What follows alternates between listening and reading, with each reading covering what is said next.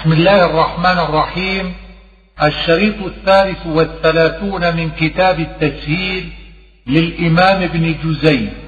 تتم هذا الأمر بقيام الليل. اختلف هل هو واجب أو مندوب. فعلى القول بالندب فهو ثابت غير منسوخ. أما على القول بالوجوب ففيه ثلاثة أقوال. أحدها أنه فرض على النبي صلى الله عليه وسلم وحده ولم يزل فرضا عليه حتى توفي. الثاني أنه فرض عليه وعلى أمته فقاموا حتى انتفخت أقدامهم ثم نسخ بقوله في آخر السورة إن ربك يعلم أنك تقوم الآية. وصار تطوعا. هذا قول عائشة رضي الله عنها وهو الصحيح. واختلف كم بقي فرضا؟ فقالت عائشة عاما. وقيل ثمانية أشهر وقيل عشرة أعوام فالآية الناسخة على هذا مدنية. الثالث أنه فرض عليه صلى الله عليه وسلم وعلى أمته وهو ثابت غير منسوخ ولكن ليس الليل كله إلا ما تيسر منه وهو مذهب الحسن وابن سيرين. إلا قليلا نصفه أو انقص منه قليلا أو زد عليه. في معنى هذا الكلام أربعة أقوال.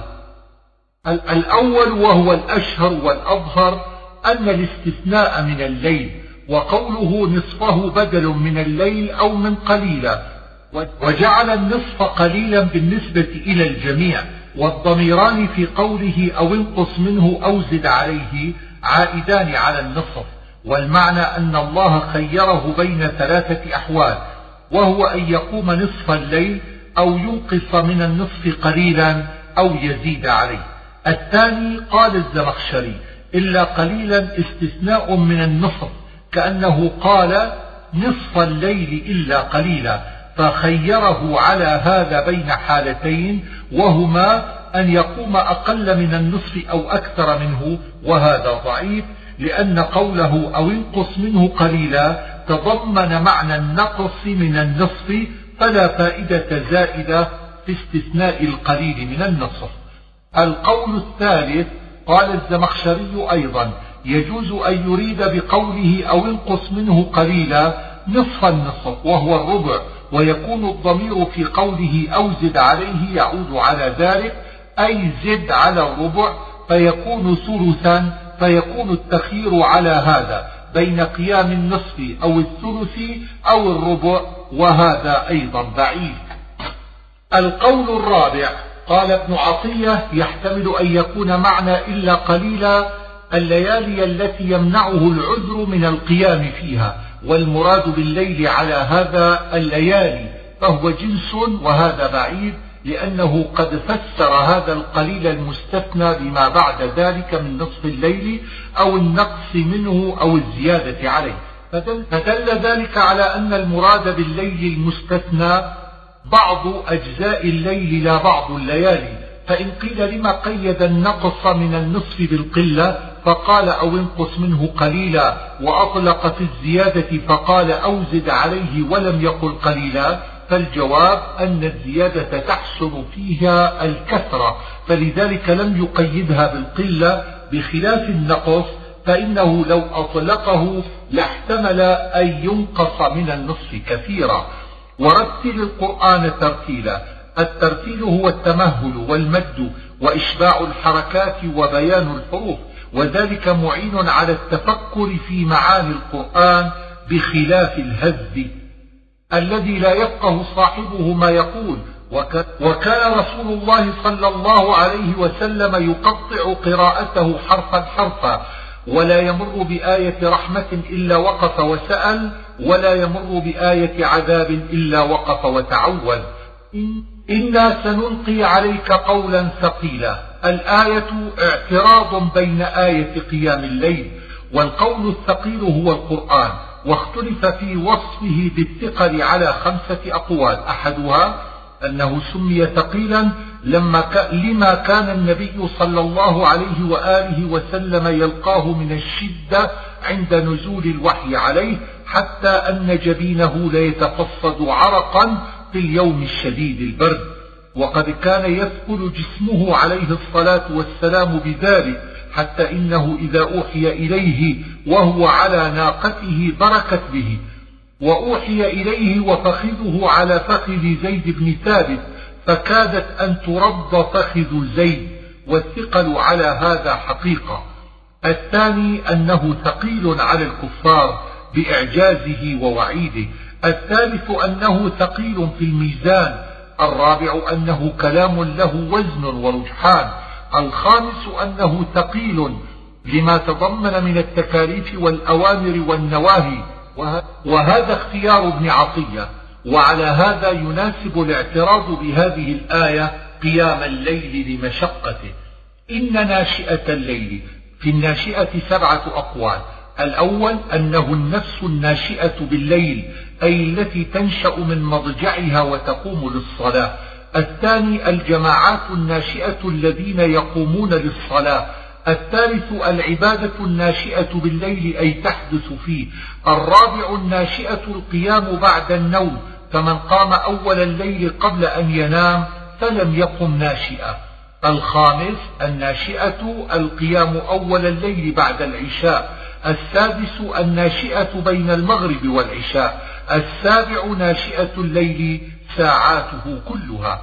هي أشد وطأ يحتمل معنيين أحدهما أثقل وأصعب على المصلي ومنه قول النبي صلى الله عليه وآله وسلم اللهم اشدد وطأتك على مضر والأثقل أعظم أجرا. فالمعنى تحريض على قيام الليل بكثرة الأجر. الثاني أشد ثبوتا من أجل الخلوة وحضور الذهن والبعد عن الناس ويقرب هذا من معنى أقوى مقيلة وقرئ وطاء بكسر الواو على وزن فعال ومعناه موافقة أن يوافق القلب اللسان بحضور الذهن. إن لك في النهار سبحا طويلا السبح هنا عبارة عن التصرف في الاشتغال والمعنى يكفيك النهار للتصرف في أشغالك وتفرغ بالليل لعبادة ربك. وقيل المعنى إن فاتك شيء من صلاة الليل فأده بالنهار فإنه طويل يسع ذلك. واذكر اسم ربك. قيل معناه قل بسم الله الرحمن الرحيم في أول صلاتك. واللفظ أعم من ذلك. وتبتل إليه تبتيلا أي انقطع إليه بالعبادة والتوكل عليه وحده. وقيل التبتل رفض الدنيا. وتبتيلا مصدر على غير قياس. فاتخذه وكيلا. الوكيل هو القائم بالأمور والذي توكل إليه الأشياء فهو أمر بالتوكل على الله. واصبر على ما يقولون أي على ما يقول الكفار والآية منسوخة بالسيف. وقيل إنما المنسوخ المهادنة التي يقتضيها قوله اهجرهم هجرا جميلا. وأما الصبر فمأمور به في كل وقت. وذرني والمكذبين. هذا تهديد لهم وانتصب المكذبين على أنه مفعول معه أو معطوف. أولي النعمة أي التنعم في الدنيا. وروي أن الآية نزلت في بني المغيرة وهم قوم من قريش كانوا متنعمين في الدنيا. أنكالا جمع نكل وهو القيد من الحديد. روي أنها قيود سود من نار وطعاما ذا غصة شجرة الزقوم. ومعنى ذا غصة أي يغص به آكلوه وقيل هو شوق يعترض في حلوقهم لا ينزل ولا يخرج. وروي أن رسول الله صلى الله عليه وآله وسلم قرأ هذه الآية فصعق يوم ترجف الأرض أي تهتز وتتزلزل والعامل في يوم معنى الكلام المتقدم وهو إن لدينا أنكالا وكانت الجبال كثيبا مهيلا الكثيب كدس الرمل والمهيل اللين الرخ الذي تهيله الريح أي تنشره وزنه مفعول والمعنى أن الجبال تصير إذا نسفت يوم القيامة مثل الكثيب. إنا أرسلنا إليكم رسولا. خطاب لجميع الناس لأن رسول الله صلى الله عليه وسلم بعث إلى الناس كافة وقال الزمخشري هو خطاب لأهل مكة. وشهيدا عليكم أن يشهدوا على أعمالكم من الكفر والإيمان والطاعة والمعصية وإنما يشهد على من أدركه. لقوله صلى الله عليه وسلم أقول كما قال أخي عيسى وكنت عليهم شهيدا ما دمت فيهم فلما توفيتني كنت أنت الرقيب عليهم. كما أرسلنا إلى فرعون رسولا يعني موسى عليه السلام. وهو المراد بقوله فعصى فرعون الرسول فاللام للعهد أخذا وبيلا أي عظيما شديدا يوما مفعول به وناصبه تتقون أي كيف تتقون يوم القيامة وأهواله إن كفرتم؟ وقيل هو مفعول به على أن يكون كفرتم بمعنى جحدتم وقيل هو ظرف أي كيف لكم بالتقوى يوم القيامة؟ ويحتمل أن يكون العامل فيه محذوف تقديره اذكروا قوله السماء منفطر به.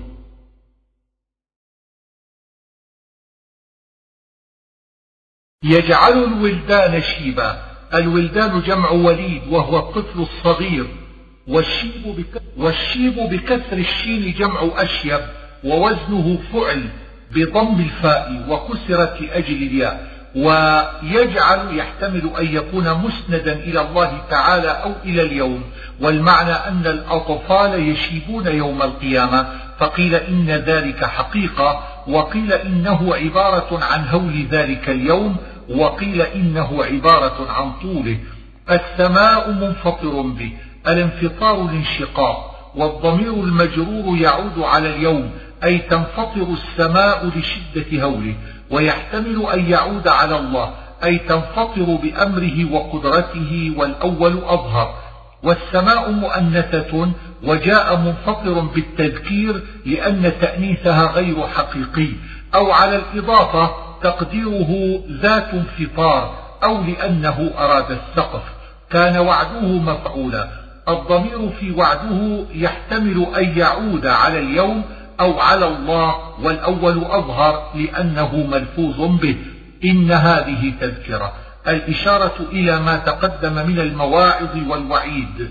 فمن شاء اتخذ إلى ربه سبيلا يريد سبيل التقرب إلى الله ومعنى الكلام حظ على ذلك وترغيب فيه. إن ربك يعلم أنك تقوم أدنى من ثلثي الليل.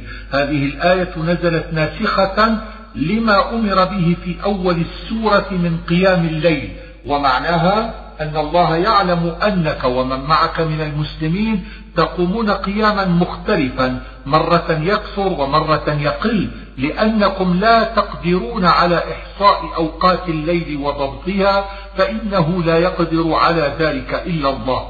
فخفف عنكم وأمركم أن تقرأوا ما تيسر من القرآن. ونصفه وثلثه. من قرأها بالخفض فهو عطف على ثلثي الليل أي تقوم أقل من ثلثي الليل وأقل من نصفه وثلثه. ومن قرأ بالنصب فهو عطف على أدنى أي تقوم أدنى من ثلثي الليل وتقوم نصفه تارة وثلثه تارة. وطائفة يعني المسلمين وهو معطوف على الضمير الفاعل في تقوم علم أن لم تحصوه. الضمير يعود على ما يفهم من سياق الكلام أي لن تحصوا تقدير الليل وقيل معناه لم تطيقوا أي لن تطيقوا قيام الليل كله. فتاب عليكم عبارة عن التخفيف كقوله فإذ لم تفعلوا وتاب الله عليكم. فقرأوا ما تيسر من القرآن. أي إذا لم تقدروا على قيام الليل كله فقوموا بعضه وقرأوا في صلاتكم بالليل ما تيسر من القرآن وهذا الأمر للندب. وقال ابن عطية هو للإباحة عند الجمهور. وقال قوم منهم الحسن وابن سيرين هو فرض لا بد منه ولو أقل ما يمكن. حتى قال بعضهم من صلى الوتر فقد امتثل هذا الأمر. وقيل كان فرضا ثم نسخ بالصلوات الخمس وقال بعضهم هو فرض على أهل القرآن دون غيرهم. علم أن سيكون منكم مرضى. ذكر الله في هذه الآية الأعذار التي تكون لبني آدم تمنعهم من قيام الليل. فمنها المرض ومنها السفر للتجارة وهي الضرب في الأرض لابتغاء فضل الله. ومنها الجهاد ثم كرر الأمر بقراءة ما تيسر تأكيدا للأمر به أو تأكيدا للتخفيف وهذا أظهر لأنه ذكره بأثر الأعذار. وأقيموا الصلاة وآتوا الزكاة يعني يعني المكتوبتين. وأقرضوا الله معناه تصدقوا وقد ذكر في البقرة. هو خيرا نصب خيرا لأنه مفعول ثان لتجدوه والضمير فصل. واستغفروا الله. قال بعض العلماء إن الاستغفار بعد الصلاة مستنبط من هذه الآية وكان رسول الله صلى الله عليه وآله وسلم إذا سلم من صلاته استغفر ثلاثة. سورة المدثر يا أيها المدثر وزنه متفعل ومعناه الذي تدثر في, في كساء أو ثياب. وتسميته بذلك كتسميته بالمزمل حسب ما ذكرنا في موضعه. وقال السهيلي في ندائه بالمدثر ثلاثة فوائد. الاثنتان اللتان ذكرتا في المزمل وفائدة ثالثة وهي أن العرب يقولون النذير العريان للنذير الذي يكون في غاية الجد والتشمير. والنذير بالثياب ضد هذا فكأنه تنبيه على ما يجب من التشمير. وقيل إن هذه أول سورة نزلت من القرآن والصحيح أن سورة اقرأ نزلت قبلها. قم فأنذر أي أنذر الناس وهذه بعثة عامة وربك فكبر أي عظمه ويحتمل أن يريد قول الله أكبر. ويؤيد ذلك ما روي عن أبي هريرة أن المسلمين قالوا بما نفتتح صلاتنا؟ فنزلت وربك فكبر وقوله ربك فكبر من المقلوب الذي يقرأ من أوله وآخره. وثيابك فطهر فيه ثلاثة أقوال. أحدها أنه حقيقة في تطهير الثياب من النجاسة واختلف في هذا. هل يحمل على الوجوب فتكون إزالة النجاسة واجبة أو على الندب فتكون سنة؟ والآخر أنه يراد به الطهارة من الذنوب والعيوب فالثياب على هذا مجاز. الثالث أن معناه لا تلبس الثياب من مكسب خبيث والرجز فهجه. فيه ثلاثة أقوال. أحدها أن الرجز الأوثان. روي ذلك عن رسول الله صلى الله عليه وآله وسلم وهو قول عائشة. والآخر أن الرجز السخط والعذاب. وهذا أصله في اللغة فمعناه اهجر ما يؤدي إليه ويوجبه. الثالث أنه المعاصي والفجور. قال بعضهم كل معصية الرجز. ولا تمن تستكثر. يحتمل قوله تمن أن يكون بمعنى العطاء أو بمعنى المن وهو ذكر العطاء وشبهه. أو بمعنى الضعف فإن كان بمعنى العطاء ففيه وجهان. أحدهما أن معناه لا تعطي شيئا لتأخذ أكثر منه. قال بعضهم هذا خاص بالنبي صلى الله عليه وسلم ومباح لأمته. والآخر لا تعطي الناس عطاء وتستكثره لأن الكريم يستقل ما يعطي وإن كثيرا. وإن كان من المن بالشيء ففيه وجهان. الأول لا تمن على الناس بنبوتك تستكثر بأجر أو مكسب تطلبه. الثاني لا تمن على الله بعملك وتستكثر أعمالك ويقع لك بها إعجاب. وإن كان من الضعف فمعناه لا تضعف عن تبليغ الرسالة وتستكثر ما حملناك من ذلك. ولربك فاصبر أي اصبر لوجهه وطلب رضاه. ويحتمل أن يريد الصبر على المكاره والمصائب أو على إذاية الكفار له أو على العبادة. فإذا نقر في الناقور يعني نفخ في الصور ويحتمل أن يريد النفخة الأولى والثانية. ذرني ومن خلقت وحيدا. هذا وعيد وتهديد. ونزلت الآية في الوليد بن المغيرة باتفاق. وفي معنى وحيدا ثلاثة أقوال. أحدها روي أنه كان يلقب بالوحيد أي لا نظير له في ماله وشرفه وكونه وحيدا نعمة عددها الله عليه. الثاني أن معناه خلقته منفردا ذليلا.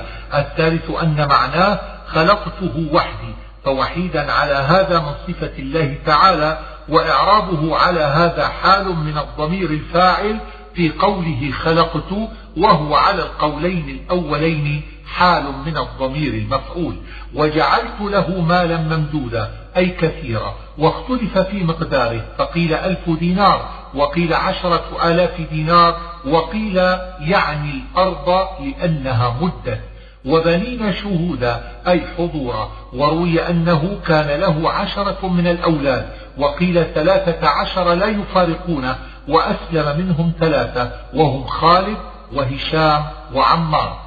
ومهدت له تمهيدا أي بسطت له في الدنيا بالمال والقوة وطيب العيش. ثم يطمع أن أزيد أي يطمع في الزيادة على ما أعطاه الله وهذا غاية الحرص. كلا زجر عما طمع فيه من الزيادة عنيدا أي معاندا مخالفا والآيات هنا يراد بها القرآن لأن الوليد قال فيه إنه سحر ويحتمل أن يريد الدلائل. سأرهقه صعودا الصعود العقبة الصعبة. وروي عن النبي صلى الله عليه وسلم أنها عقبة في جهنم. كلما صعدها الإنسان ذاب ثم يعود. فالمعنى سأشق عليه بتكليفه الصعود فيها. إنه فكر وقدر أي فكر فيما يقول وقدر في نفسه ما يقول في القرآن أي هيأ كلامه. روي أن الوليد سمع القرآن فأعجبه وكاد يسلم ودخل إلى أبي بكر الصديق فعاتبه أبو جهل وقال له إن قريشا قد أبغضتك لمقاربتك أمر محمد وما يقلصك عندهم إلا أن تقول في كلام محمد قولا يرضيهم. فافتتن وقال أفعل ذلك ثم فكر فيما يقول في القرآن فقال أقول شعر ما هو بالشعر أقول كهانة ما هو بكهانة؟ أقول إنه سحر وإنه قول البشر ليس منزلا من عند الله. فقتل كيف قدر؟ دعاء عليه وذم وكرره تأكيدا لذمه وتقبيح حاله. قال ابن عطية ويحتمل أن يكون مقتضاه استحسان منزعه الأول حين أعجبه, أعجبه القرآن. فيكون قوله قتل لا يراد به الدعاء عليه وإنما هو كقولهم قاتل الله فلانا ما أنجبه يريد التعجب من حاله واستعظام وصفه. وقال الزمخشري يحتمل أن يكون ثناء عليه على طريقة الاستهزاء أو حكاية لقول قريش تهكما بهم. ثم نظر أي نظر في قوله ثم عبس وبسر البسور هو تقطيب الوجه وهو أشد العبوس وفعل ذلك من حسده للنبي صلى الله عليه وآله وسلم أي عبس في وجهه عليه الصلاة والسلام أو عبس لما ضاقت عليه الحيل ولم يدر ما يقول. ثم أدبر أي أعرض عن الإسلام. سحر يؤثر أي ينقل عمن تقدم. وما أدراك ما سقر تعظيم لها وتهويل. لا تبقي ولا تذر مبالغة في وصف عذابها أي لا تدع غاية من العذاب إلا أذاقته إياها أو لا تبقي شيئا ألقي فيها إلا أهلكته وإذا أهلك لم تذره هالكا بل يعود للعذاب. لواحة للبشر معنى لواحة مغيرة يقال لوحه السفر إذا غيره. والبشر جمع بشرة وهي الجلدة فالمعنى أنها تخرق الجلود وتسودها. وقيل لواحة من لاح إذا ظهر والبشر الناس أي تلوح للناس. وقال الحسن تلوح لهم من مسيرة خمسمائة عام. تسعة عشر يعني الزبانية خزنة جهنم. فقيل هم تسعة عشر ملكا. وقيل تسعة عشر خطا من الملائكة والأول أشهر. وما جعلنا أصحاب النار إلا ملائكة. سبب, سبب الآية أنه لما نزل عليها تسعة عشر قال أبو جهل أيعجز عشرة منكم عن واحد من هؤلاء التسعة عشر أن يبطشوا به؟ فنزلت الآية ومعناها أنهم ملائكة لا طاقة لكم بهم. وروي أن الواحد منهم يرمي بالجبل على الكفار. وما جعلنا عدتهم إلا فتنة للذين كفروا. أي جعلناهم هذا العدد ليفتتن الكفار بذلك ويطمعوا أن يغلبوهم ويقولوا ما قالوا. ليستيقن الذين أوتوا الكتاب أي ليعلم أهل التوراة والإنجيل أن ما أخبر به محمد صلى الله عليه وسلم من عدد ملائكة النار حق لأنه موافق لما في كتبهم. ولا يرتاب أي لا يشك. الذين أوتوا الكتاب والمؤمنون أي ما قاله محمد صلى الله عليه وسلم حق. فإن, فإن قيل كيف نفى عنهم الشك بعد أن وصفهم باليقين والمعنى واحد وهو تكرار؟ فالجواب أنه لما, أنه لما وصفهم باليقين نفى عنهم أن يشكوا فيما يستقبل بعد يقينهم الحاصل الآن. فكأنه وصفهم باليقين في الحال والاستقبال. وقال الزمخشري ذلك مبالغة وتأكيد. وليقول الذين في قلوبهم مرض المرض عبارة عن الشك وأكثر ما يطلق الذين في قلوبهم مرض على المنافقين. فإن قيل هذه السورة مكية ولم يكن حينئذ منافقون وإنما حدث المنافقون بالمدينة فالجواب من وجهين. أحدهما أحدهما أن معناه يقول المنافقون إذا حدثوا ففيه إخبار بالغيب والآخر أن يريد من كان بمكة من أهل الشك وقولهم ماذا أراد الله بهذا مثلا؟ استبعاد لأن يكون هذا من عند الله. وما يعلم جنود ربك إلا هو يحتمل القصد بهذا وجهين. أحدهما وصف جنود الله بالكثرة أي هم من كثرتهم لا يعلمهم إلا الله. والآخر رفع اعتراض الكفار على التسعة عشر. أي لا يعلم أعداد جنود الله إلا هو لأن منهم عددا قليلا ومنهم عددا كثيرا حسب ما أراد الله. وما هي إلا ذكرى للبشر. الضمير لجهنم أو للآيات المتقدمة. كلا ردع للكفار عن كفرهم. وقال الزمخشري هي إنكار لأن تكون لهم ذكرى. إذ أدبر أي ولى وقرئ دبر بغير ألف والمعنى واحد. وقيل معناه دبر الليل والنهار أي جاء في دبره. والصبح إذا أسفر أي أضاء. ومنه الإسفار بصلاة الصبح. إنها لإحدى الكبر الضمير لجهنم أو للآيات والنذارة أي هي من الأمور العظام. والكبر جمع كبرى وقال ابن عطية جمع كبيرة والأول هو الصحيح. نذيرا للبشر تمييز أو حال من إحدى الكبر. وقيل النذير هو هنا الله فالعامل فيه على هذا محذوف وهذا ضعيف. وقيل هو حال من هذه السورة أي قم فأنذر نذيرا وهذا بعيد. قال الزمخشري هو من بدع التفاسير. لمن شاء منكم أن يتقدم أو يتأخر. التقدم عبارة عن تقدم سلوك طريق الهدى والتأخر ضده.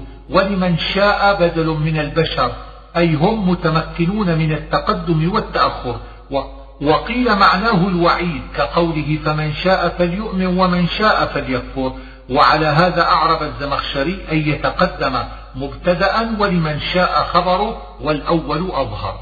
رهينة قال ابن عطية الهاء في رهينة للمبالغة أو على تأنيث النفس. وقال الزمخشري ليست بتأنيث رهين لأن فعيلا بمعنى مفعول يستوي فيه المذكر والمؤنث وإنما هي بمعنى الرهن أي كل نفس رهن عند الله بعملها إلا أصحاب اليمين أي أهل السعادة فإنهم فكوا رقابهم بأعمالهم الصالحة كما فك الراهن رهنه بأداء الحق. وقال علي بن أبي طالب أصحاب اليمين هم الأطفال لأنهم لا أعمال لهم يرتهنون بها. وقال ابن عباس هم الملائكة يتساءلون عن المجرمين أي يسأل بعضهم بعضا عن حال المجرمين الذين في النار. ما سلككم في سقر؟ أي ما أدخلكم النار؟ وهذا خطاب للمجرمين يحتمل أن يكون خاطبهم به المسلمون أو الملائكة فأجابوهم بقولهم لم نك من المصلين وما بعد أي هذا الذي أوجب دخولهم النار. وإنما أخر التكذيب بيوم الدين تعظيما له لأنه أعظم جرائمهم. نخوض الخوض هو كثرة الكلام بما لا ينبغي من الباطل وشبهه حتى أتانا اليقين هو الموت عند المفسرين. وقال ابن عطية إنما اليقين الذي أرادوا ما كانوا يكذبون به في الدنيا فيتيقنونه بعد الموت فما تنفعهم شفاعة الشافعين. إنما ذلك لأنهم كفار. وأجمع العلماء أنه لا يشفع أحد في الكفار. وجمع الشافعين دليل على كثرتهم كما ورد في الآثار تشفع الملائكة والأنبياء والعلماء والشهداء والصالحون فما لهم عن التذكرة معرضين يعني كفار قريش كأنهم حمر مستنفرة المستنفرة بفتح الفاء التي استنفرها الفزع وبالكسر بمعنى النافرة شبه الكفار بالحمر النافرة في جهلهم ونفورهم عن الإسلام ويعني حمر الوحش. فرت من قسورة. قال ابن عباس القسورة الرماة. وقال أيضا هو الأسد. وقيل أصوات الناس. وقيل الرجال الشداد. وقيل سواد أول الليل. بل يريد كل امرئ منهم أن يؤتى صحفا منشرة. المعنى يطمع كل إنسان منهم أن ينزل عليه كتاب من الله. ومعنى منشرة منشورة غير مطوية أي طرية كما كتبت لم تطوى بعد وذلك أنهم قالوا للرسول صلى الله عليه وآله وسلم لا نتبعك حتى تأتي كل واحد منا بكتاب من السماء فيه من رب العالمين إلى فلان ابن فلان نؤمر باتباعك. كلا ردع عما أرادوا بل لا يخافون الآخرة أي هذه هي العلة والسبب في أعراضهم. كلا تأكيد للردع الأول أو ردع عن عدم خوفهم الآخرة. إنه تذكرة الضمير لما تقدم من الكلام أو للقرآن بجملته. فمن شاء ذكر فاعل شاء ضمير يعود على من وفي ذلك حظ وترغيب. وقيل الفاعل هو الله ثم قيد فعل العبد بمشيئة الله. هو أهل التقوى وأهل المغفرة أي هو أهل لأن يتقى لشدة عقابه وهو أهل لأن يغفر الذنوب لكرمه وسعة رحمته وفضله. سورة القيامة. لا أقسم في الموضعين معناه أقسم ولا زائدة لتأكيد القسم. وقيل هي استفتاح بمنزلة ألا وقيل هي نفي لكلام الكفار. النفس اللوامة هي التي تلوم نفسها على فعل الذنوب أو التقصير في الطاعات فإن النفوس على ثلاثة أنواع فخيرها النفس المطمئنة وشرها النفس الأمارة بالسوء وبينهما النفس اللوامة. وقيل اللوامة هي المذمومة الفاجرة وهذا لا بعيد لأن الله لا يقسم إلا بما يعظم من المخلوقات. ويستقيم إن كان لا أقسم نفيا للقسم. أيحسب الإنسان أن لن نجمع عظامه؟ الإنسان هنا للجنس أو الإشارة به للكفار المنكرين للبعث ومعناه أيظن أن لن نجمع عظامه للبعث بعد فنائها في التراب؟ وهذه الجملة هي التي تدل على جواب القسم المتقدم. بلى تقديره نجمعها.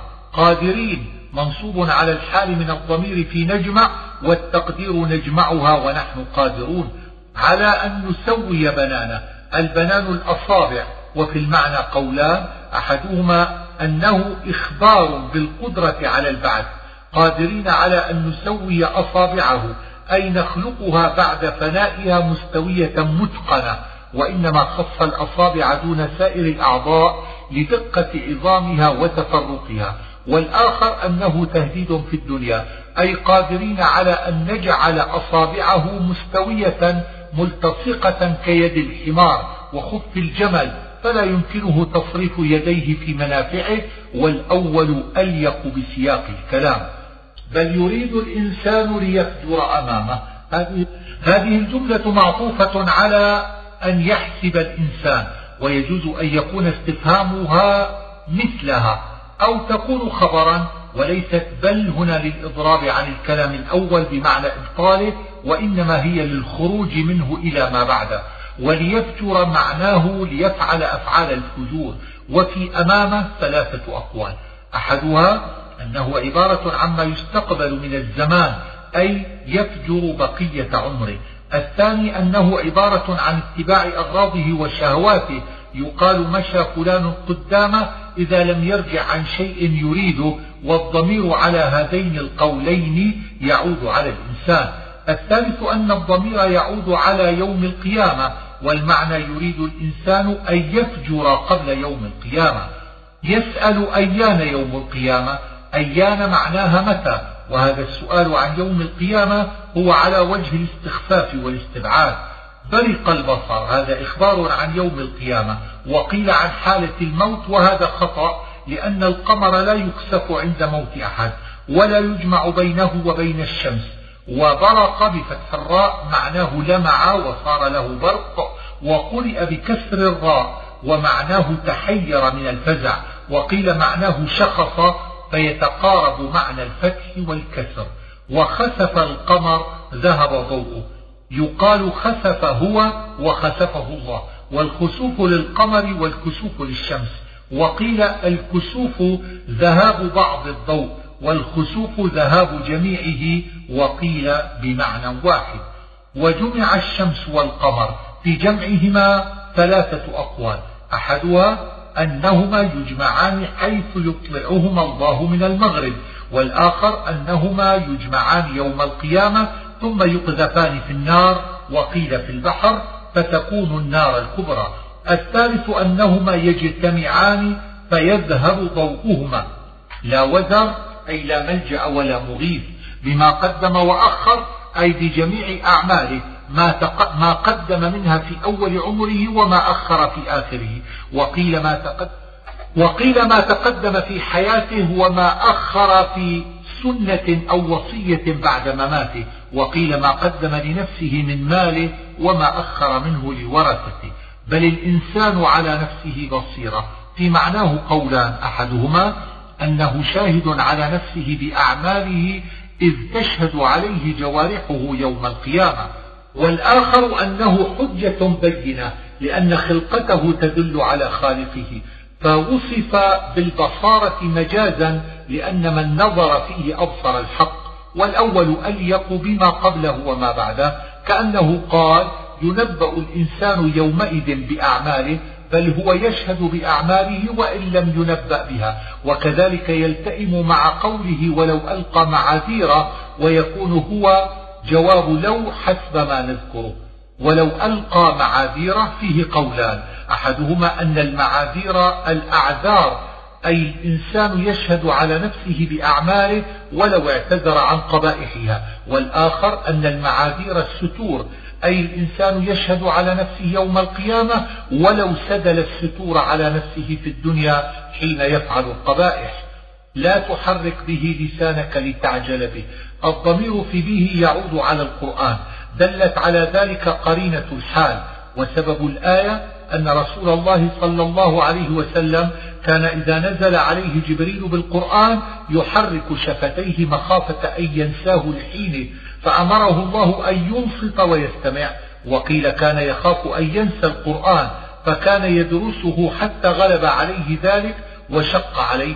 فنزلت الآية والأول هو الصحيح لأنه ورد في البخاري وغيره. إن علينا جمعه وقرآنه. ضمن الله له أن يجمعه في صدره فلا يحتاج إلى تحريك شفتيه عند نزوله ويحتمل قرآنه هنا وجهين. أحدهما أن يكون بمعنى القراءة فإن القرآن قد يكون مصدرا من قرأت. الآخر أن يكون معناه تأليفه في صدره فهو مصدر من قولك قرأت الشيء أي جمعته. فإذا قرأناه فاتبع قرآنه. أي إذا قرأه جبريل فاجعل قراءة جبريل قراءة الله لأنها من عنده. ومعنى اتبع قرآنه اسمع قراءته واتبعها بذهنك لتحفظها. وقيل اتبع القرآن في الأوامر والنواهي. ثم إن علينا بيانه أي علينا أن نبينه لك ونجعلك تحفظه. وقيل علينا أن نبين معانيه وأحكامه. فإن قيل ما مناسبة قوله لا تحرك به لسانك الآية لما قبلها فالجواب أنه لعله نزل معه في حين واحد فجعل على ترتيب النزول. بل تحبون العاجلة أي تحبون الدنيا وهذا الخطاب توبيخ للكفار ومن كان على مثل حالهم في حب الدنيا وكلا ردع عن ذلك. وجوه يومئذ ناظرة بالضاد أي ناعمة ومنه نظرة النعيم إلى ربها ناظرة هذا من النظر بالعين وهو نص في نظر المؤمنين إلى الله تعالى في الآخرة وهو مذهب أهل السنة وأنكره المعتزلة وتأولوا ناظرة بأن معناها منتظرة وهذا باطل لأن نظر بمعنى انتظر يتعدى بغير حرف جر تقول نظرتك أي انتظرتك وأما المتعدي بإلى فهو من نظر العين ومنه قوله ومنهم من ينظر إليه. وقال بعضهم إلى هنا ليست بحرف جر وإنما هي واحد الآلاء بمعنى النعم وهذا تكلف في غاية البعد. وتأوله الزمخشري بأن معناه كقول الناس فلان ناظر إلى فلان, إلى فلان إذا كان يرتجيه ويتعلق به وهذا بعيد. وقد جاء عن النبي صلى الله عليه وسلم في النظر إلى الله أحاديث صحيحة مستفيضة صريحة المعنى لا تحتمل التأويل فهي تفسير الآية. باسرة أي عابسة تظهر عليها الكآبة والبسور أشد من العبوس تظن أن يفعل بها فاقرة أي مصيبة قاصمة الظهر والظن هنا يحتمل أن يكون على أصله أو بمعنى اليقين.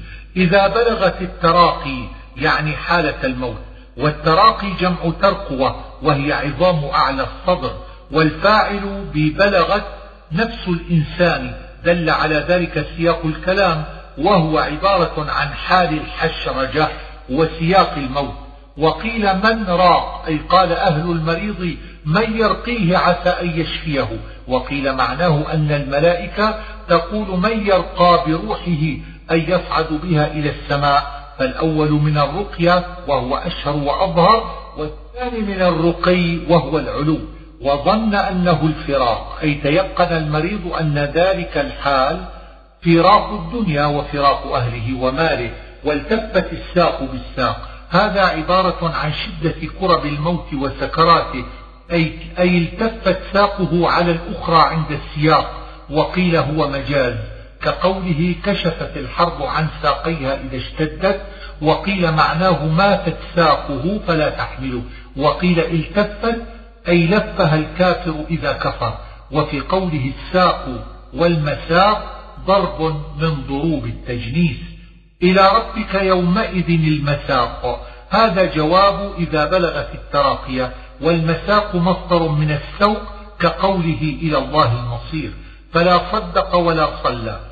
لا هنا نافية وصدق هنا يحتمل أن يكون من التصديق بالله ورسله أو من الصدقة ونزلت هذه الآية وما بعدها في أبي جهل. يتمطى أي يتبختر في مشيته. وذلك عبارة عن التكبر والخيلاء.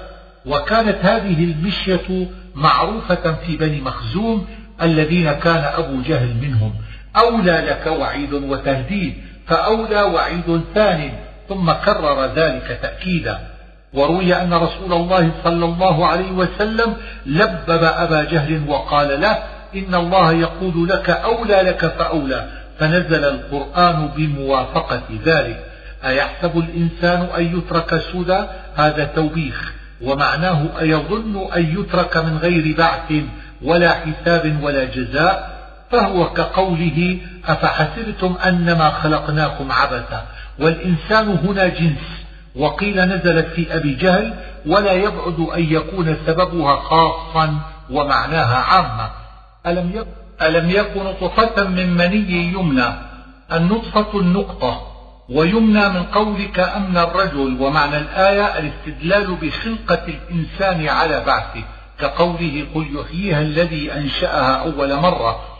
والعلقة الدم لأن المني يصير في الرحم دما فخلق فسوى أي خلقه بشرا فسوى صورته أي أتقنها. أليس ذلك بقادر على أن يحيي الموتى؟ هذا تقرير واحتجاج. وروي أن رسول الله صلى الله عليه وآله وسلم كان إذا قرأ آخر هذه السورة قال بلى وفي رواية سبحانك اللهم بلى. سورة الإنسان.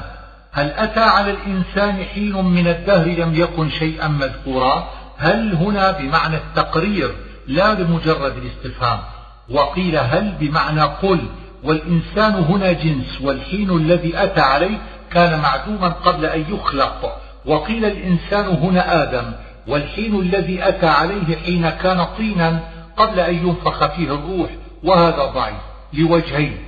أحدهما قول إنا خلقنا الإنسان من نطفة وهو هنا جنس باتفاق إذ لا يصح هنا في آدم والآخر أنه أن مقصد الآية تحقير الإنسان من نطفة أمشاج أي أخلاق أي أخلاق واحدها مشج بفتح الميم والشين وقيل مشج بوزن عدل وقال الزمخشري ليس أمشاج بجمع وإنما هو مفرد كقولهم برمة أعشار.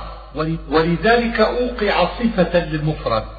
واختلف في معنى الأخلاط هنا. فقيل اختلاط الدم والبلغم والصفراء والسوداء.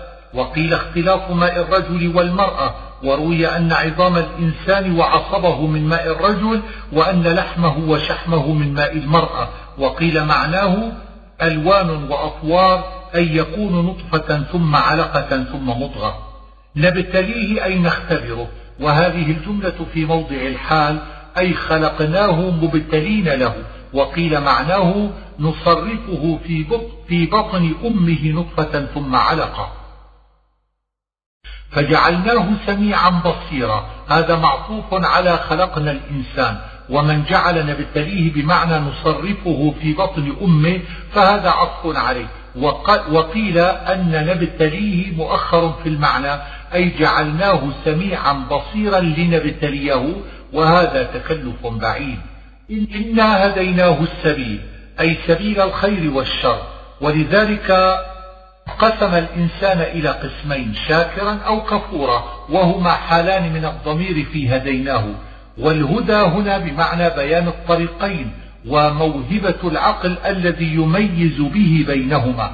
ويحتمل أن يكون بمعنى الإرشاد أي هدى المؤمن للإيمان والكافر للكفر قل كل من عند الله. سلاسل من قرأه بغير تنوين فهو الأصل إذ هو لا ينصرف لأنه جمع لا نظير له في الآحاد. ومن قرأه بالتنوين فله ثلاثة توجيهات. أحدها أنها لغة لبعض العرب يصرفون كل ما لا ينصرف إلا أفعل. والآخر أن النون بدل من حرف الإطلاق وأجري الوصف مجرى الوقف.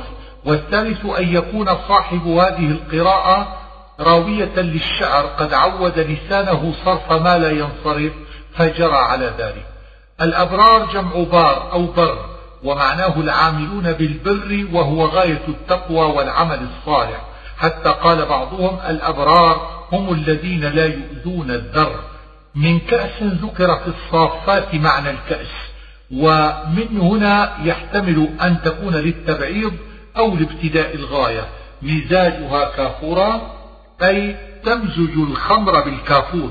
وقيل المعنى أنه كافور في طيب رائحته كما تمدح طعاما فتقول هذا مسك عينا بدل من كافورا على القول بأن الخمر تمزج بالكافور أو بدل من موضع من كأس على القول الآخر كأنه قال يشربون خمرا خمر عين وقيل هو مفعول يشربون وقيل منصوب بإضمار فعل. يشرب بها قال ابن عطية الباء الزائدة والمعنى يشربها وهذا ضعيف لأن الباء تزاد في مواضع ليس هذا منها. وإنما هي كقولك شربت الماء بالعسل لأن العين المذكورة تمزج بها الكأس من الخمر. عباد الله وصفهم بالعبودية وفيه معنى التشريف والاختصاص كقوله وعباد الرحمن الذين يمشون على الأرض هونا يفجرونها تفجيرا أي يفجرونها حيث شاءوا من منازلهم تفجيرا سهلا لا يصعب عليهم. وفي الأثر أن في قصر النبي صلى الله عليه وسلم في الجنة عينا تفجر إلى قصور الأنبياء عليه عليهم الصلاة والسلام والمؤمنين. مستطيرا أي منتشرا شائعا ومنه استطار الفجر إذا انشق ضوءه ويطعمون الطعام. نزلت هذه الآية وما بعدها في علي بن أبي طالب وفاطمة والحسن والحسين رضي الله عنهم فإنهم كانوا الصائمين. فلما, فلما وضعوا فطورهم ليأكلوه جاء مسكين فدفعوه له وباتوا طاوين. وأصبحوا صائمين. فلما وضعوا فطورهم جاء يتيم فدفعوه له وباتوا طاوين وأصبحوا صائمين. فلما وضعوا فطورهم جاء أسير فدفعوه له وباتوا طاوين. والآية على هذا مدنية لأن عليا إنما تزوج فاطمة بالمدينة وقيل إنما هي مكية وليست في علي. على حبه. الضمير للطعام أي يطعمونه مع حبه والحاجة إليه. فهو كقوله لن تنالوا البر حتى تنفقوا مما تحبون. وقوله ويؤثرون على أنفسهم ولو كان بهم خصاصة ففي قوله على حبه تتميم وهو من أدوات البيان. وقيل الضمير لله وقيل الإطعام المفهوم من يطعمون والأول أرجح وأظهر. مسكينا ويتيما وأسيرا. قد ذكرنا المسكين واليتيم وأما الأسير ففيه خمسة أقوال. أحدها أن الأسير الكافر بين المسلمين ففي إطعامه أجر لأنه في كل ذي كبد رطبة أجر. وقيل نسخ ذلك بالسيف. والآخر أنه الأسير المسلم إذا خرج من دار الحرب لطلب الفدية. والثالث أنه المملوك الرابع أنه المسجون الخامس أنه المرأة لقوله صلى الله عليه وسلم استوصوا بالنساء خيرا لأنهن عوان عندكم وهذا بعيد. والأول أرجح لأنه روي أن النبي صلى الله عليه وسلم كان يؤتى بالأسير المشرك فيدفعه إلى بعض المسلمين ويقول له أحسن إليه. إنما نطعمكم لوجه الله عبارة عن الإخلاص لله ولذلك فسروه وأكدوه بقولهم لا نريد منكم جزاء ولا شكورا. الشكور مصدر كالشكر ويحتمل أنهم قالوا هذا الكلام بألسنتهم أو قالوه في نفوسهم فهو عبارة عن النية والقصد. يوما عبوسا وصف اليوم بالعبوس مجاز على وجهين. أحدهما أن يوصف اليوم بصفة أهله كقولهم نهاره صائم وليله قائم وروي أن الكافر يعبس يومئذ حتى يسيل الدم من عينيه مثل القطران والآخر يشبه أو يشبه في شدته بالأسد العبوس. قمطريرا. قال ابن عباس معناه طويل وقيل شديد ولقاهم نظرة وسرورا. النظرة التنعم وهذا في مقابلة عبوس الكافر وقوله وقاهم ولقاهم من أدوات البيان بما صبروا أي بصبرهم على الجوع وإيثار غيرهم على أنفسهم حسب ما ذكرنا من قصة علي وفاطمة والحسن والحسين رضي الله عنهم وقد ذكرنا الأرائك.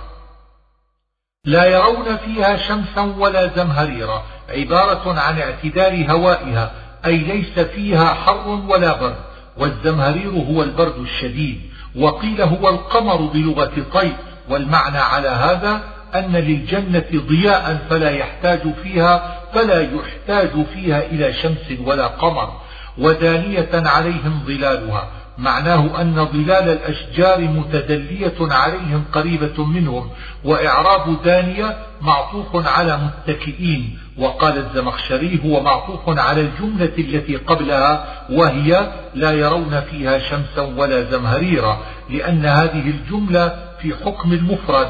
تقديره غير رائين فيها شمسا ولا زمهريرا ودانية.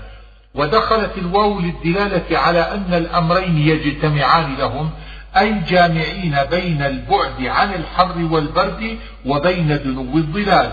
وقيل هو صفة لجنة عطف بالواو. كقولك فلان عالم وصالح. وقيل هو معطوف عليها أي وجنة أخرى دانية ظلالها. وذللت قطوفها تذليلا. القطوف جمع قطف وهو العنقود من النخل والعنب وشبه ذلك. وتذليلها هو أن تتدلى إلى الأرض. وروي أن أهل الجنة يقطعون الفواكه على أي حال كانوا من قيام أو جلوس أو اضطجاع لأنها تتدلى لهم كما يريدون. وهذه الجملة في موضع الحال من دانية أي دانية في حال تذليل قطوفها أو معطوفة عليها. بآنية جمع إناء وزنها أفعلة وقد ذكرنا الأكواب في الواقعة. قوارير القوارير هي الزجاج. فإن قيل كيف يتفق أنها زجاج مع قوله من فضة؟ فالجواب أن المراد أنها في أصلها من فضة وهي تشبه الزجاج في صفائها وشفيفها. وقيل هي من زجاج وجعلها من فضة على وجه التشبيه لشرف الفضة وبياضها. من قرأ قوارير بغير تنوين فهو على الأصل ومن نونه فعل ما ذكرنا في سلاسل. قدروها تقديرا. هذه صفة للقوارير والمعنى قدروها على قدر الأكف أو على قدر ما يحتاجون من الشراب. قال مجاهد هي لا تغيض ولا تفيض. وقيل قدروها على حسب ما يشتهون. وقيل والضمير الفاعل في قدروها يحتمل أن يكون للشاربين بها أو للطائفين بها. مزاجها زنجبيلا هو كما ذكرنا في مزاجها كافورا. سلسبيل معناه سلسل منقاد لجريه وقيل سهل الانحدار في الحلق. يقال شراب سلسل وسلسال وسلسبيل بمعنى واحد. وزيدت الباء في التركيب للمبالغة في سلاسته فصارت الكلمة خماسية وقيل سل فعل أمر سبيلا مفعول به وهذا في غاية الضعف. ولدان مخلدون ذكر في الواقعة. لؤلؤا منثورا شبههم باللؤلؤ في الحسن والبياض وبالمنثور منه في كثرتهم وانتشارهم في القصور. وإذا رأيت ثم مفعول رأيت محذوف ليكون الكلام على الإطلاق في كل ما يرى فيها وثم ظرف مكان. وقال الفراء تقديره إذا رأيت ما ثم فما مفعوله ثم حذفت قال الزمخشري وهذا خطأ لأن ثم صلة لما ولا يجوز حذف الموصول وترك الصلة ملكا كبيرا يعني كثرة ما أعطاهم الله حتى إن أدنى أهل الجنة منزلة له مثل الدنيا وعشرة أمثاله معه. حسب ما ورد في الحديث. وقيل أراد أن الملائكة تسلم عليهم وتستأذن عليهم فهم بذلك كالملوك. عاليهم بسكون الياء مبتدأ خبره ثياب سندس أي ما يعلوهم من الثياب ثياب سندس وقرئ بالنصب على الحال من الضمير في يطوف عليهم أو في حسبتهم. وقال ابن عطية العامل فيه لقاهم أو جزاهم. وقال أيضا يجوز أن ينتصب على الظرف لأن معناه فوقهم. وقد ذكرنا معنى السندس والاستبرق. وقرئ خضر بالخفض صفة لسندس وبالرفع صفة لثياب. واستبرق واستبرق بالرفع عطف على ثياب وبالخفض عطف على سندس. وحل وزنه فعل معناه جعل لهم حلي. أساور من فضة. ذكرنا الأساور في الكهف. فإن قيل كيف قال هنا أساور من فضة وفي موضع آخر أساور من ذهب؟ فالجواب أن ذلك يختلف باختلاف درجات أهل الجنة. قال رسول الله صلى الله عليه وآله وسلم جنتان من ذهب آنيتهما وما فيهما وجنتان من فضة آنيتهما وما فيهما فلعل الذهب للمقربين والفضة لأهل اليمين. ويحتمل أن يكون أهل الجنة لهم أساور من فضة ومن ذهب معا. شرابا طهورا أي ليس بنجس كخمر الدنيا. وقيل معناه أنه لم تعصره الأقدام. وقيل معناه لا يصير بولا. إن هذا كان لكم جزاء أي يقال لهم هذا يقوله الله تعالى والملائكة آثما أو كفورا أو هنا للتنويع فالمعنى لا تطع النوعين فاعلا للإثم ولا كفورا. وقيل هي بمعنى الواو أي جامعا للوصفين لأن هذه هي حالة الكفار. وروي أن الآية نزلت في أبي جهل وقيل إن الآثم عتبة بن ربيعة والكفور الوليد بن المغيرة والأحسن أنها على العموم لأن لفظها عام وإن كان سبب نزولها خاصا بكرة وأصيلا. هذا أمر بذكر الله في كل وقت.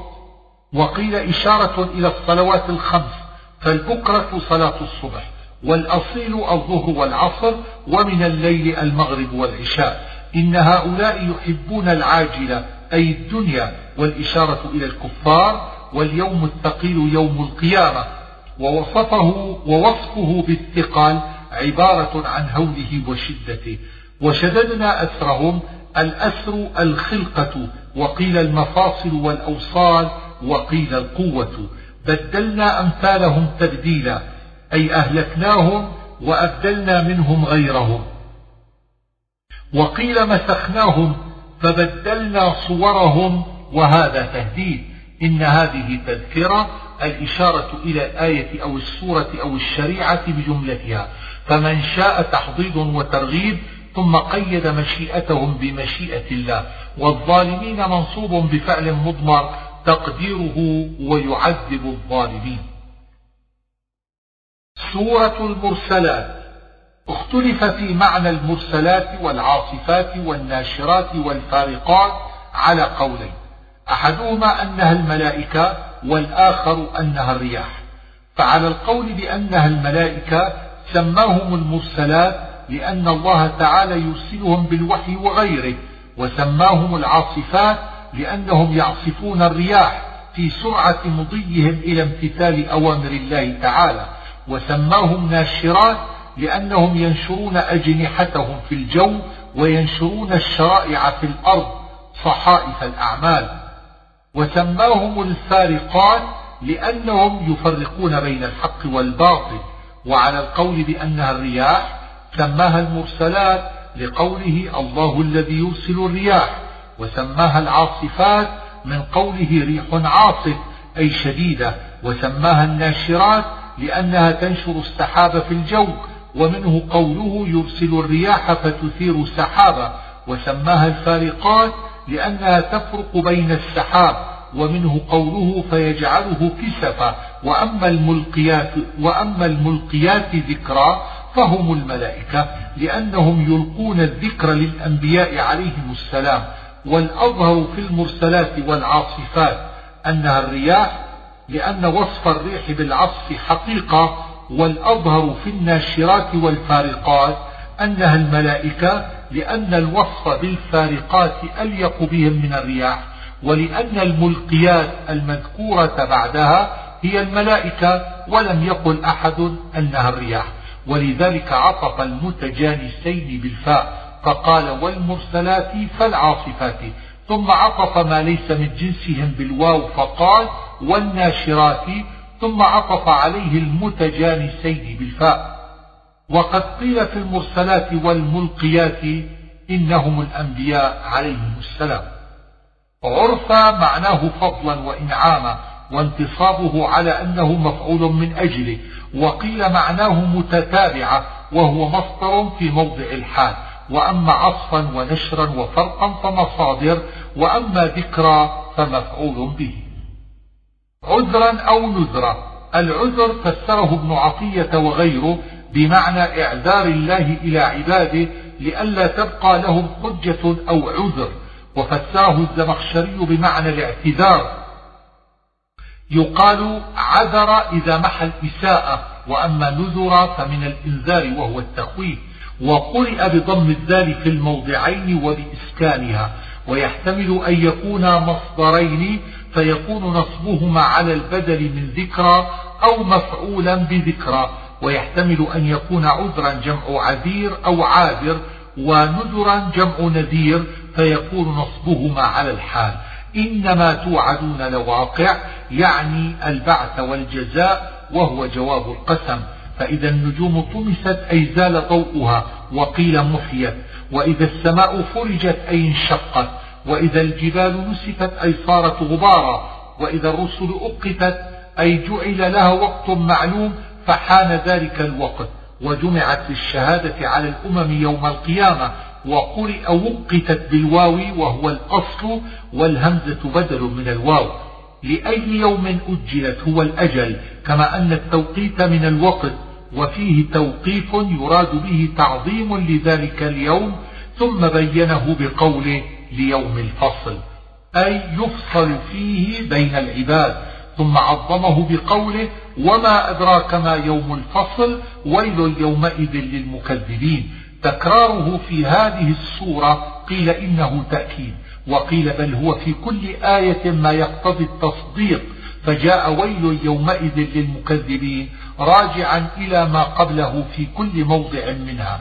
ألم نهلك الأولين يعني الكفار المتقدمين كقوم نوح وغيرهم ثم نتبعهم الآخرين يعني قريشا وغيرهم من الكفار بمحمد صلى الله عليه وسلم وهذا وعيد لهم ظهر مصداقه يوم بدر وغيره.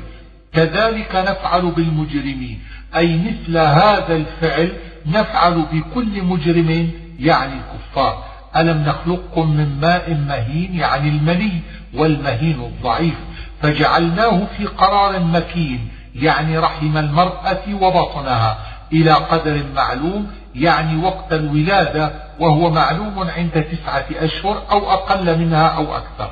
فقدرنا بالتشديد من التقدير وبالتخفيف من القدرة فإذا كان من القدرة اتفق مع قوله فنعم القادرون.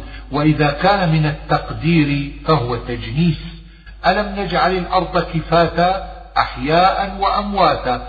الكفات من كفت إذا ضم وجمع فالمعنى أن الأرض تكفت الأحياء على ظهرها والموتى في بطنها وانتصب أحياء وأمواتا على أنه مفعول بكفاتا لأن الكفاة اسم لما يضم ويجمع فكأنه قال جامعة أحياء وأمواتا ويجوز أن يكون المعنى تكفتهم أحياء وأمواتا فيكون نصبهما على الحال من الضمير.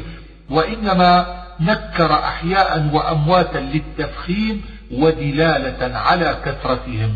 رواسي يعني الجبال شامخات أي مرتفعات ماء فراتا أي حلوة انطلقوا خطاب للمكذبين وقرأ يعقوب بفتح اللام على أنه فعل ماض ثم كرره لبيان المنطلق إليه.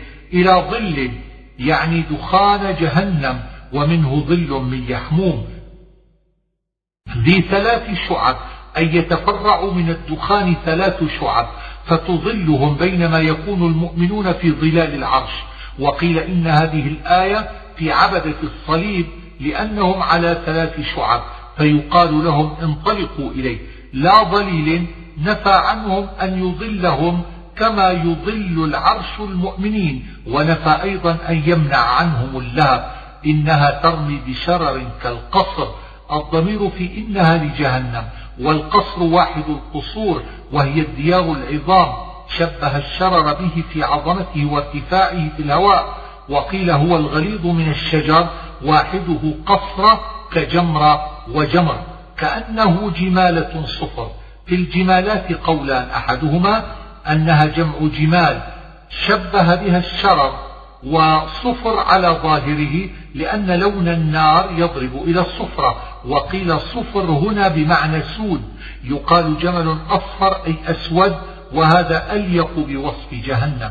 الثاني أن الجمالات قطع النحاس الكبار فكأنه مشتق من الجملة. وقرئ جمالات بضم الجيم وهي قلوس السفن وهي حبالها العظام. هذا يوم لا ينطقون. هذا في مواطن وقد يتكلمون في مواطن أخر لقوله يوم تأتي كل نفس تجادل عن نفسها. فإن كان لكم كيد فكيدون تعجيز لهم وتعريض بكيدهم في الدنيا وتقريع عليه. كلوا واشربوا. يقال لهم ذلك في الجنة بلسان الحال أو بلسان المقال. هنيئا بما كنتم تعملون. نصب هنيئا على الحال أو على الدعاء. كلوا وتمتعوا. خطاب للكفار على وجه التهديد. تقديره قل لهم كلوا وتمتعوا قليلا في الدنيا. وإذا قيل لهم اركعوا لا يركعون. هذا إخبار عن حال الكفار في الدنيا وذكر الركوع عبارة عن الصلاة وقيل معنى اركعوا اخشعوا وتواضعوا وقيل هو إخبار عن حال المنافقين يوم القيامة لأنهم إذا قيل لهم اركعوا لا يقدرون على الركوع كقوله ويدعون إلى السجود فلا يستطيعون والأول أشهر وأظهر فبأي حديث بعده يؤمنون؟ الضمير للقرآن. سورة النبأ. عم يتساءلون أصل عم عن ما. ثم أضغمت النون في الميم وحذفت ألف ما لأنها استفهامية تقديرها عن أي شيء يتساءلون.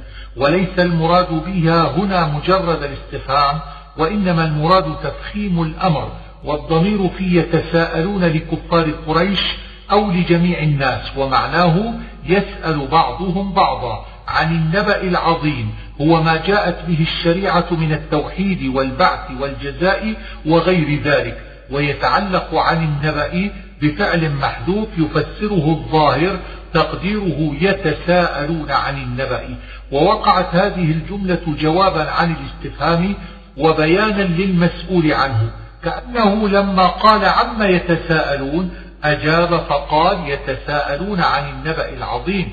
وقيل يتعلق عن النبأ بيتساءلون الظاهر والمعنى على هذا لأي شيء يتساءلون عن النبأ العظيم والأول أفصح وأبرع وينبغي على ذلك أن يوقف على قوله عما يتساءلون الذي هم فيه مختلفون.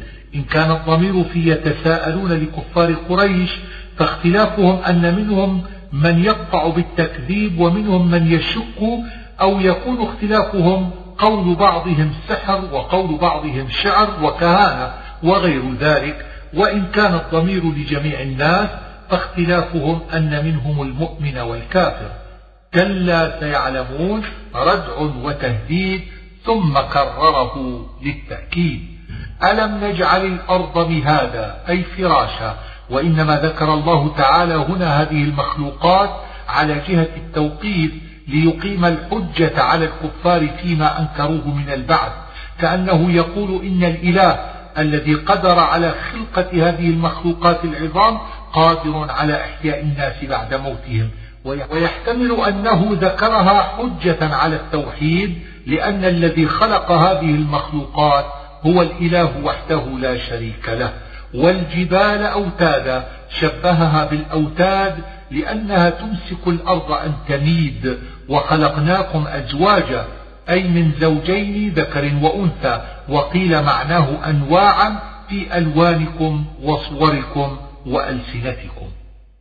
وجعلنا نومكم سباتا أي راحة لكم وقيل معناه قيل معناه قطعا للأعمال والتصرف والسبات القطع وقيل معناه موتا لأن النوم هو الموت الأصغر ومنه قوله تعالى الله يتوفى الأنفس حين موتها والتي لم تمت في منامها وجعلنا الليل لباسا شبهه بالثياب التي تلبس لأنه ستر عن العيون وجعلنا النهار معاشا أي تطلب فيه المعيشة فهو على حد مضاف تقديره ذا معاش وقال الزمخشري معناه يعاش فيه فجعله بمعنى الحياة في مقابلة السبات الذي بمعنى الموت. وبنينا فوقكم سبعا شدادا يعني السماوات. وجعلنا سراجا وهاجا يعني الشمس والوهاج الوقاد الشديد الإضاءة. وقيل الحار الذي يضطرم من شدة لهبه. وأنزلنا من المعصرات ماء ثجاجا يعني المطر. والمعصرات هي السحاب. وهو مأخوذ من العصر لأن السحاب ينعصر فينزل منه الماء أو من العصرة بمعنى الإغاثة ومنه وفيه يعصرون. وقيل هي السماوات وقيل الرياح والثجاج السريع الاندفاع لنخرج به حبا ونباتا. الحب هو القمح والشعير وسائر الحبوب والنبات هو العشب. وجنات ألفافا أي ملتفة وهو جمع لف بضم اللام وقيل بالكسر وقيل لا واحد له. كان ميقاتا أي في وقت معلوم. يوم ينفخ في الصور يعني نفخة القيام من القبور. فتأتون أفواجا أي جماعات. فكانت أبوابا أي تنفتح فتكون فيها شقاق كالأبواب. وسيرت الجبال أي حملت. فكانت سرابا عبارة عن تلاشيها وفنائها. والسراب في اللغة ما يظهر على البعد أنه ماء وليس ذلك المراد هنا وإنما هو تشبيه في أنه لا شيء. مرصادا أي موضع الرصد والرصد هو الارتقاب والانتظار أي تنتظر الكفار ليدخلوها. وقيل معناه طريقا للمؤمنين يمرون عليه إلى الجنة لأن الصراط منصوب على جهنم. مآبا أي مرجعا لابثين فيها أحقابا جمع حقبة أو حقب وهي المدة الطويلة من الدهر غير محدودة. وقيل إنها محدودة ثم اختلف في مقدارها. فروي عن النبي صلى الله عليه وسلم أنها ثمانون ألف سنة وقال ابن عباس ثلاثون سنة وقيل ثلاثمائة سنة. وعلى القول بالتحديد فالمعنى أنهم يبقون فيها أحقابا. كلما انقضى حقب جاء آخر إلى غير نهاية. وقيل إنه كان يقتضي أن مدة العذاب تنقضي ثم نسخ بقوله فذوقوا فلن نزيدكم إلا عذابا وهذا خطاب لأن الأخبار لا تنسخ. وقيل هي في عصاة المؤمنين الذين يخرجون من النار. وهذا خطأ لأنها في الكفار لقوله وكذبوا بآياتنا وقيل معناها أنهم يبقون أحيانا لا يذوقون فيها بردا ولا شرابا ثم يبدل لهم نوع آخر من العذاب. لا يذوقون فيها بردا ولا شرابا أي لا يذوقون برودة تخفف عنهم حر النار. وقيل لا يذوقون ماء باردا وقيل البرد هنا النوم والأول أظهر إلا حميما وغساقا. استثناء من الشراب وهو متصل والحميم الماء الحار والغساق صديد أهل النار وقد ذكر في سورة داود جزاء وفاقا أي موافقا أعمالهم لأن أعمالهم كفر وجزاؤهم النار. ووفاقا مصدر وصف به أو هو على حذف مضاف تقديره ذو وفاق. لهم كانوا لا يرجون حسابا. هذا مثل لا يرجون لقاءنا وقد ذكر كذابا بالتشديد مصدر بمعنى تكذيب وبالتخفيف بمعنى الكذب أو المكاذبة وهي تكذيب بعضهم لبعض. فذوقوا فلن نزيدكم إلا عذابا. قال رسول الله صلى الله عليه وسلم ما نزل في أهل النار أشد من هذه الآية. مفازا أي موضع فوز يعني الجنة. حدائق أي بساتين. وكواعب جمع كاعب وهي الجارية التي خرج ثديها أترابا أي على سن واحدة وكأسا دهاقا أي ملأى وقيل صافية والأول أشهر. عطاء حسابا أي كافيا من أحسب الشيء إذا كفاه وقيل معناه على حسب أعمالهم. رب السماوات بالرفع مبتدأ أو خبر ابتداء مضمر وبالخفض صفة لربك والرحمن بالخفض صفة وبالرفع خبر المبتدأ أو خبر ابتداء مضمر. لا يملكون منه خطابا قال ابن عطية الضمير للكفار أي لا يملكون أن يخاطبوه بمقدرة ولا غيرها. وقيل المعنى لا يقدرون أن يخاطبهم كقوله ولا يكلمهم الله. وقال الزمخشري الضمير لجميع الخلق أي ليس بأيديهم شيء من خطاب الله. يوم يقوم الروح. قيل هو جبريل وقيل ملك عظيم يقوم هو وحده صفا والملائكة صفا. وقيل يعني أرواح بني آدم فهو اسم جنس ويوم يتعلق بلا يملكون أو لا يتكلمون. لا يتكلمون الضمير للملائكة والروح أي تمنعهم الهيبة من الكلام إلا من بعد أن يأذن الله لهم. وقول الصواب يكون في ذلك الموطن على هذا وقيل الضمير للناس خاصة والصواب المشار إليه قول لا إله إلا الله أي من قالها في الدنيا.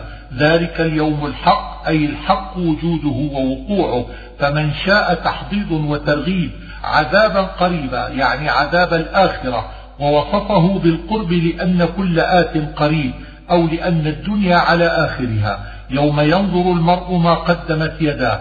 المرء هنا عموم في المؤمن والكافر. وقيل هو المؤمن وقيل هو الكافر والعموم أحسن لأن كل أحد يرى ما عمل. لقوله تعالى فمن يعمل مثقال ذرة الآية ويقول الكافر يا ليتني كنت ترابا تمنى أن يكون يوم القيامة ترابا فلا يحاسب ولا يجازى. وقيل تمنى أن يكون في الدنيا ترابا أي لم يخلق. وروي أن البهائم تحشر ليقتص لبعضهم من بعض ثم ترد ترابا. فيتمنى الكافر أن يكون ترابا مثلها وهذا يقوي الأول. وقيل الكافر هنا إبليس يتمنى أن يكون خلق من تراب مثل آدم وذريته لما رأى ثوابهم.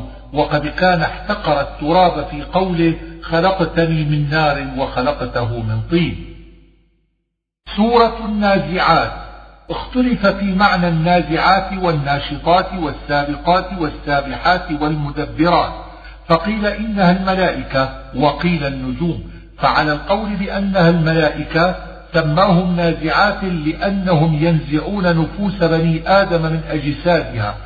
وناشطات لأنهم ينشطونها أي يخرجونها. فهو من قولك نشط الدلو من البئر إذا أخرجتها. وسابحات لأنهم يسبحون في سيرهم. أي يسرعون فيسبقون فيدبرون أمور العباد والرياح والمطر وغير ذلك حسب ما يأمرهم الله. وعلى القول بأنها النجوم سماها نازعات لأنها تنزع من المشرق إلى المغرب. وناشطات لأنها تنشط من برج إلى برج وسابحات لأنها تسبح في الفلك ومنه كل في فلك يسبحون فتسبق في جريها فتدبر أمرا من علم الحساب. وقال ابن عطية لا أعلم خلافا أن المدبرات أمرا الملائكة. وحكى الزمخشري فيها ما ذكرنا وقد قيل في النازعات والناشطات أنها النفوس تنزع من معنى النزع بالموت فتنشط من الأجساد. وقيل في السابحات أنها الخيل وأنها السفن. غرقا. إن قلنا النازعات الملائكة ففي معنى غرقا وجهان. أحدهما أنها من الغرق أي تغرق الكفار في جهنم. والآخر أنه من الإغراق في الأمر بمعنى المبالغة فيه أي تبالغ في نزعها فتقطع الفلك كله. وإن قلنا إنها النفوس فهو أيضا من الإغراق أي تغرق في الخروج من الجسد والإعراب غرقا مصدر في موضع الحال ونشطا وسبحا وسبقا مصادر وأمرا مفعول به وجواب القسم محذوف وهو بعث الموتى بدلالة ما بعده عليه من ذكر القيامة. وقيل الجواب يوم ترجف الراجفة تتبعها الرادفة على تقدير حذف لام التأكيد. وقيل هو إن في ذلك لعبرة لمن يخشى وهذا بعيد لبعده عن القسم ولأنه إشارة إلى قصة فرعون لا لمعنى القسم. يوم ترجف الراجفة تتبعها الرادفة. قيل الراجفة النفخة الأولى في الصور.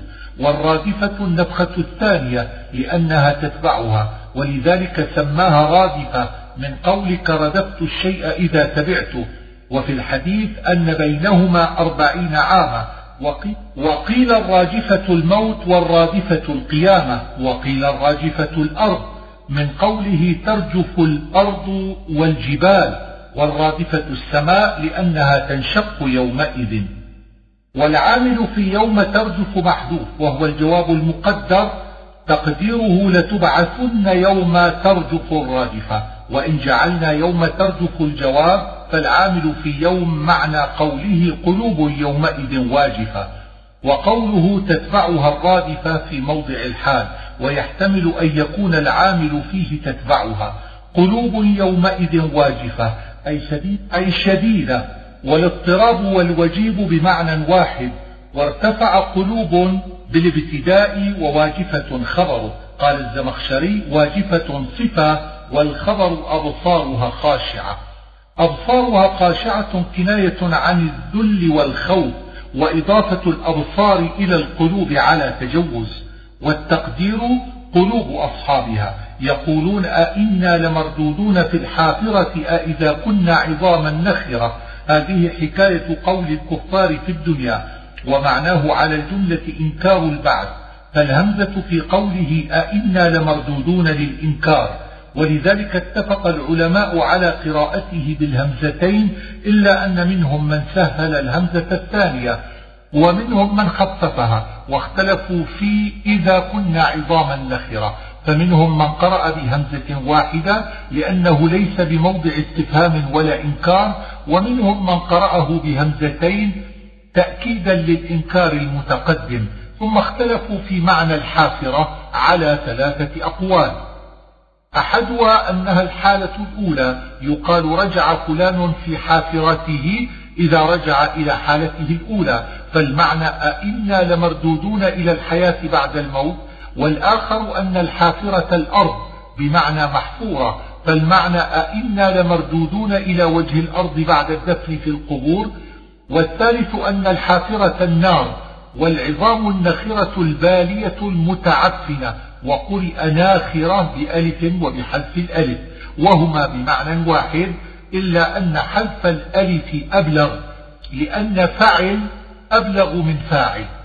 وقيل معناه العظام المجوفة التي تمر بها الريح فيسمع لها نخير والعامل في إذا كنا محذوف تقديره إذا كنا عظاما نبعث ويحتمل أن يكون العامل فيه مردودون في الحافرة. ولكن إنما يجوز ذلك على قراءة إذا كنا بهمزة واحدة على الخبر. ولا يجوز قراءته بهمزتين لأن همزة الاستفهام لا يعمل ما قبلها فيما بعدها. قالوا تلك إذا كرة خاسرة. الكرة الرجعة والخاسرة منسوبة إلى الخسران كقوله عيشة راضية أي ذات رضا أو معناه خاسر أصحابها. ومعنى هذا الكلام أنهم قالوا إن كان البعث حقا فكرتنا خاسرة لأننا ندخل النار فإنما هي زجرة واحدة يعني النفخة في الصور للقيام من القبور. وهذا من كلام الله تعالى ردا على الذين أنكروا البعث كأنه يقول لا تظن أنه صعب على الله هو عليه يسير. فإنما ينفخ نفخة واحدة في الصور فيقوم الناس من قبورهم فإذا هم بالساهرة إذا هنا فجائية. والساهرة وجه الأرض والباء ظرفية والمعنى إذا نفخ في الصور حصلوا بالأرض أسرع شيء. هل أتاك توقيف وتنبيه وليس المراد مجرد الاستفهام؟ طوى ذكر في طه. اذهب إلى فرعون تفسير للنداء. هل لك إلى أن تزكى أن تتطهر من الكفر والذنوب والعيوب والرذائل؟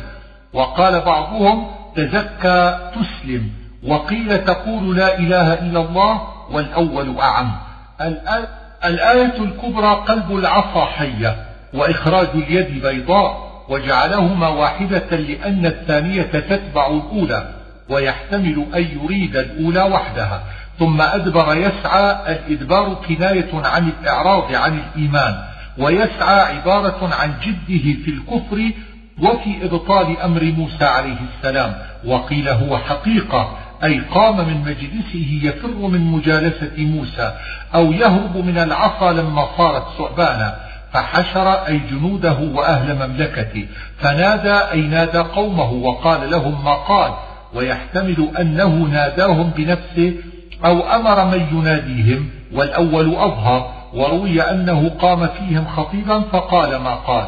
فأخذه الله نكال الآخرة والأولى النكال مصدر بمعنى التنكيل والعامل فيه أخذه الله لأنه بمعناه وقيل العامل محذوف والآخرة هي دار الآخرة والأولى الدنيا فالمعنى نكال الآخرة بالنار ونكال الأولى بالغرق وقيل الآخرة قوله أنا ربكم الأعلى والأولى قوله ما علمت لكم من إله غيري. وقيل بالعكس.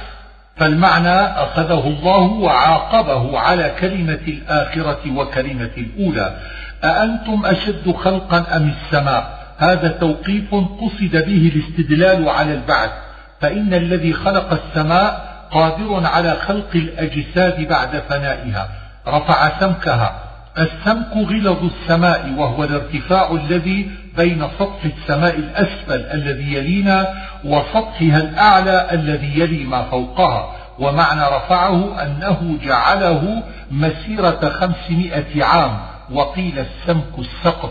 فسواها أي أتقن خلقتها وقيل جعلها مستوية ليس فيها مرتفع ولا منخفض. وأغطش ليلها أي جعله مظلما يقال غطش الليل إذا أظلم وأغطشه الله. وأخرج ضحاها أي أظهر ضوء الشمس في وقت الضحى. وأضاف الضحى والليل إلى السماء من حيث إنهما ظاهران منها وفيها والأرض بعد ذلك دحاها أي بسطها.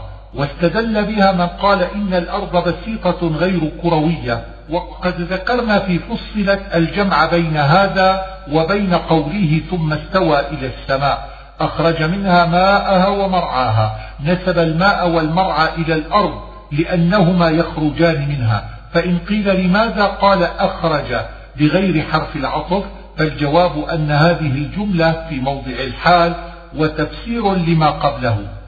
قاله الزمخشري والجبال أرساها أي أثبتها ونصب الجبال بفعل مضمر يدل عليه الظاهر وكذلك الأرض. متاعا لكم تقديره فعل ذلك كله تمتيعا لكم منه. ولأنعامكم لأن بني آدم والأنعام ينتفعون بما ذكر. الطامة هي القيامة وقيل النفخة الثانية واشتقاقها من قولك طم الأمر إذا علا وغلب. وبرزت الجحيم لمن يرى أي أظهرت لكل من يرى فهي لا تخفى على أحد. مقام ربه ذكر في سورة الرحمن ونهى النفس عن الهوى أي ردها عن شهواتها وأغراضها الفاسدة. قال بعض الحكماء إذا أردت الصواب فانظر هواك وخالفه. وقال سهل التستري لا يسلم من الهوى إلا الأنبياء وبعض الصديقين. أيان مرساها ذكر في الأعراف فيما أنت من ذكرها أي من ذكر زمانها. فالمعنى لست في شيء من ذكر ذلك. قالت عائشة رضي الله عنها كان رسول الله صلى الله عليه وسلم يسأل عن الساعة كثيرا فلما نزلت هذه الآية انتهى. إلى ربك منتهاها أي منتهى علمها. لا يعلم متى تكون إلا هو وحده. إنما أنت منذر من يخشاها. أي إنما بعثت لتنذر بها وليس عليك الإخبار بوقتها. خص الإنذار بمن يخشاها لأنه هو الذي ينفعه الإنذار. لم يلبثوا إلا عشية أو ضحاها. أخبر أنهم إذا رأوا الساعة ظنوا أنهم لم يلبثوا في الدنيا أو في القبور